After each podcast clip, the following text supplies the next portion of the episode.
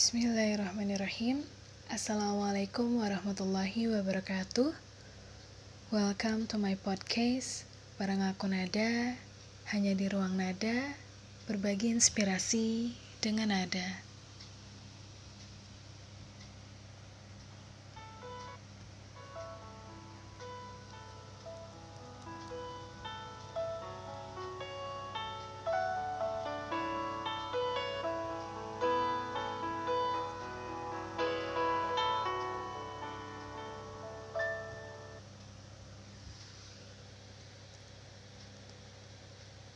Teman-teman yang dirahmati Allah, tidak terasa waktu begitu cepat berlalu. Dan secepat itu pula lah tamu agung kita akan segera berkemas pergi. Yang selama ini senantiasa kehadirannya kita tunggu akan berlalu. Ramadan bulan di mana setiap dosa dihapuskan bulan di mana setiap pahala dilipat gandakan, bulan di mana kalamullah yang mulia diturunkan. Ya, kalamullah Al-Quranul Karim.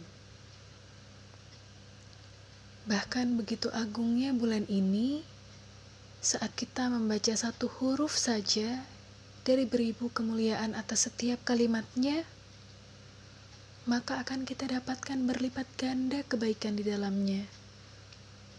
Sebagaimana dalam sebuah hadis riwayat Tirmizi dan disahihkan dalam kitab Sahih Al-Jami nomor 6469 yang berbunyi Siapa yang membaca satu huruf dari Al-Quran, maka baginya satu kebaikan dengan bacaan tersebut di mana satu kebaikan dilipat gandakan menjadi sepuluh kebaikan semisalnya. Dan aku tidak mengatakan alif, lam, mim satu huruf.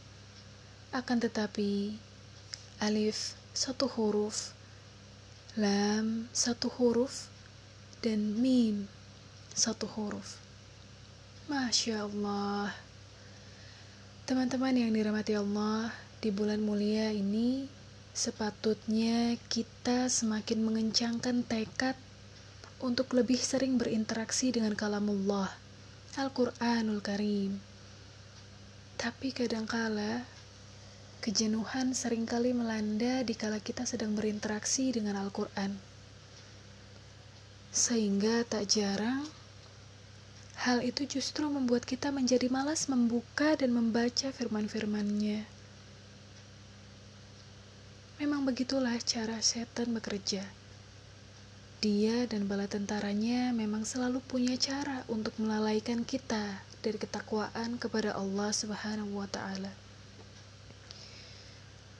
Untuk itu, dalam podcast Nada kali ini, Nada ingin kita dengarkan satu kisah inspirasi yang nanti akan disampaikan langsung oleh Ibu Salma Sifatia Tursina Beliau adalah seorang murabiah dan guru bimbingan konseling pesantren Darut Tauhid Bandung. Yang insya Allah dalam kesempatan kali ini, beliau akan berbagi inspirasi tentang bagaimana interaksi sahabat Utsman bin Affan dengan Al-Quran. Masya Allah. Mari kita dengarkan dengan hikmat. Bismillahirrahmanirrahim. Assalamualaikum warahmatullahi wabarakatuh. Innal hamdalillah nahmaduhu wa nasta'inuhu wa nastaghfiruh wa na'udzu billahi min syururi anfusina wa min sayyiati a'malina wa min sayyiati a'malina may yahdihillahu fala mudhillalah wa may yudlilhu fala hadiyalah. Asyhadu an la ilaha illallah wa asyhadu anna Muhammadan abduhu wa rasuluh la nabiyya ba'dah. Alhamdulillah, Alhamdulillahirabbil alamin. Segala puji hanya bagi Allah. Senang sekali di malam hari ini, masya Allah gitu ya bisa bersilaturahim lagi dengan uh, antuna semua. Dan alhamdulillah betapa bahagia juga gitu ya ibu bisa mendengarkan lantunan uh, ayat suci Al-Quran yang dibacakan satu persatu oleh Antuna sekalian. Um, semoga pertemuan kita di malam hari ini betul-betul Allah jadikan sebagai satu amal soleh untuk kita semua. Salawat beserta salam senantiasa tercurah limpah kepada Nabi Muhammad Sallallahu Alaihi Wasallam kepada keluarga, para sahabat, para tabiin, tabiut tabiin, serta kepada umatnya yang senantiasa istiqomah mengikuti sunnahnya. Semoga di akhirat nanti, di yaumil akhir nanti, kita termasuk ke dalam umatnya yang kelak mendapatkan syafaat. Amin, amin ya Allah ya Rabbal Alamin. Baik, uh, semoga Antuna semua malam hari ini berada dalam kondisi kesehatan terbaik, juga berada dalam kondisi keimanan terbaik. Semoga Allah senantiasa menjaga semuanya agar tetap berada dalam semangat yang terus-menerus naik begitu ya. Uh, malam hari ini kita sudah memasuki uh, hari ke 18 ya, hari ke-18 karena kalau dalam Islam itu pergantian hari itu kan per maghrib ya. Jadi maghrib tadi itu kita sudah masuk di hari ke-18. Masya Allah, sudah setengah bulan kita lalui bulan Ramadan ini dan sekarang tersisa kurang lebih setengah bulan lagi. Semoga Allah senantiasa menjaga uh, kita agar bisa terus istiqomah begitu ya untuk uh, melakukan apa-apa yang memang Allah suka, Allah ridho begitu. Insya Allah di kesempatan malam hari ini, Ibu ingin berbagi uh, tentang kisahnya uh, salah satu sahabat, sahabat Nabi. Beliau adalah termasuk Khulafaur Rashidin. Lebih um, kalau misalkan teman-teman bisa tebak, beliau adalah Khulafaur Rashidin ke tiga. Ada yang bisa tebak siapa?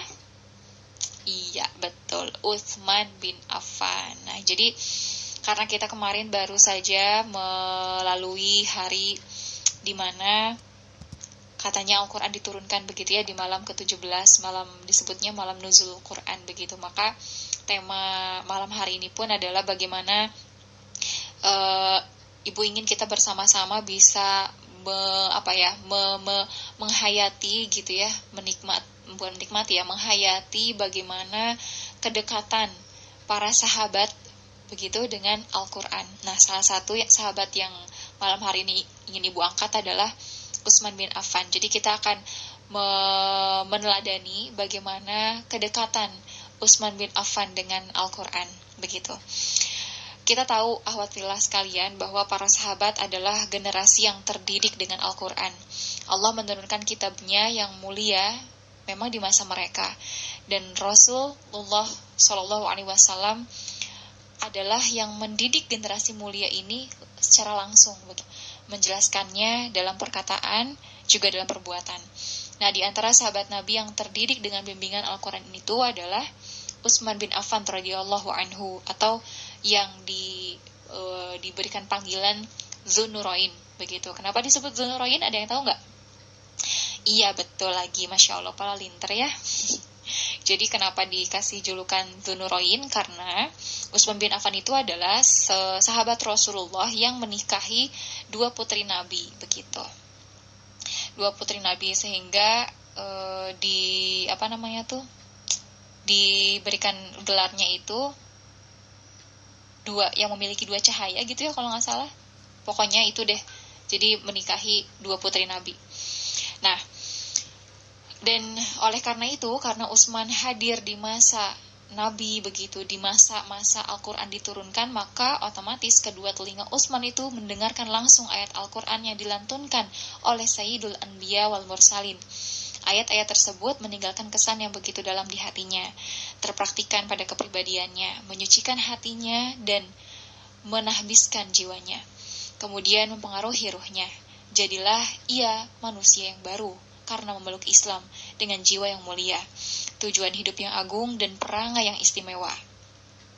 Dari Abu Abdurrahman As-Sulami, ia berkata, Para pembaca Al-Quran, semisal Utsman bin Affan, Abdullah bin Mas'ud, dan lain-lain, bercerita kepada kami bahwa mereka belajar dari Rasulullah Wasallam 10 ayat. Mereka tidak menambahnya sampai memahami makna kandungannya dan mengamalkannya. Mereka berkata, kami mempelajari Al-Quran, memahaminya sekaligus mempraktikannya. Oleh karena itu, para sahabat butuh beberapa waktu untuk menghafalkan satu surat. Begitu, semua itu karena Allah Ta'ala berfirman dalam Quran Surat Sod ayat 29, Ini adalah sebuah kitab yang kami turunkan kepadamu, penuh dengan berkah, supaya mereka memperhatikan ayat-ayatnya, dan supaya mendapat pelajaran bagi orang-orang yang mempunyai pikiran. Dari Utsman bin Affan radhiyallahu anhu, Rasulullah Shallallahu alaihi wasallam bersabda, Rasulullah Shallallahu alaihi wasallam bersabda, sebaik-baik kalian adalah orang yang mempelajari Al-Qur'an dan mengamalkannya hadis riwayat Bukhari. Di antara murid-murid Utsman bin Affan yang paling terkenal adalah Abu Abdurrahman As-Sulami, Al-Mughirah bin Abi Shihab, Abu Al-Aswad, dan Wazir bin Hubaish. Ada beberapa quotes dari Utsman bin Affan berkenaan dengan Al-Quran dan semoga kita bisa betul-betul menghayatinya, memaknainya gitu ya dengan pemaknaan yang begitu mendalam. Sejarah telah mencatat kalimat-kalimat penuh hikmah dari Utsman bertutur tentang Al-Quran.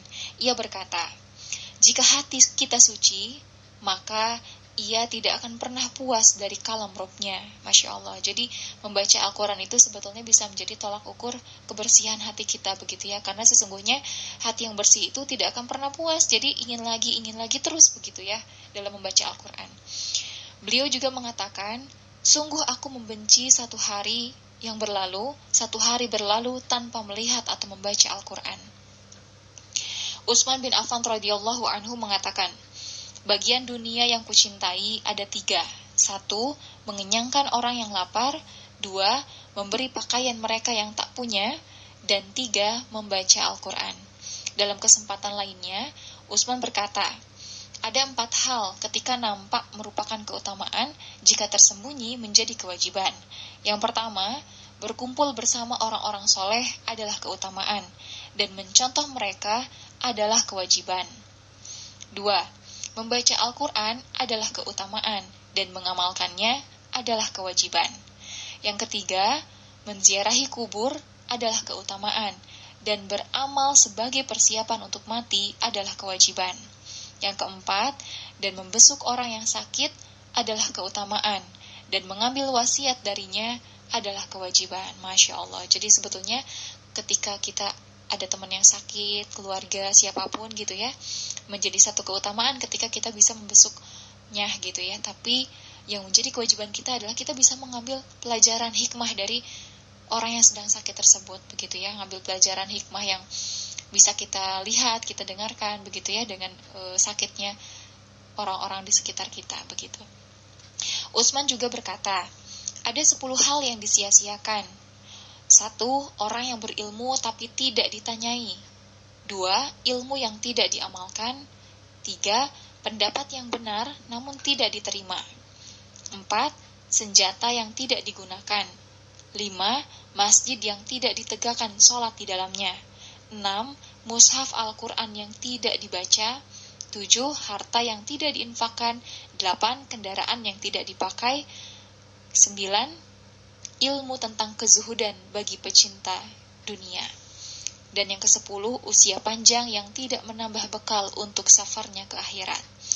Tidak jarang Allah Al-Hakim mewafatkan seseorang sedang melakukan kebiasaannya ketika hidup. Demikian pula yang terjadi pada Utsman. Ia amat dekat dan selalu bersama Al-Quran. Hingga ia wafat pun sedang membaca Al-Quran. Dialah Utsman bin Affan radhiyallahu anhu, salah seorang khalifah Rashid yang diikuti sunnahnya.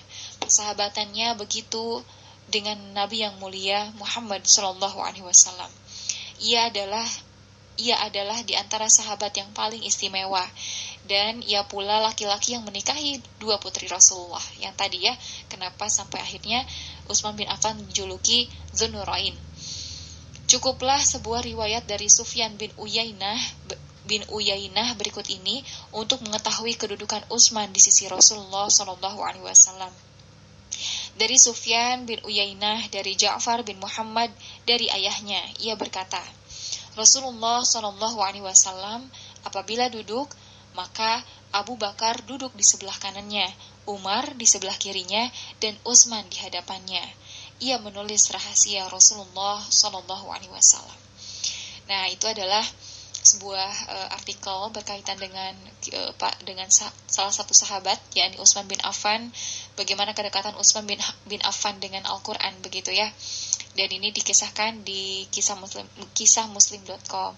Nah, penting um, ahwat filas sekalian bagi kita begitu untuk mem, apa ya, untuk sesekali menyelingi begitu ya di antara sekian banyak aktivitas kita di bulan Ramadan ini selain dengan membaca Al-Qur'an begitu ya supaya apa ya supaya ketika kita membaca Al-Qur'an itu tidak e, muncul misalnya rasa jenuh begitu ya capek begitu ya. Nah maka sesekali itu perlu diselingi oleh eh, kisah-kisah bagaimana kedekatan para sahabat dengan Al-Qur'an begitu. Sehingga kita bisa menjiwai bisa memaknai bisa menghayati.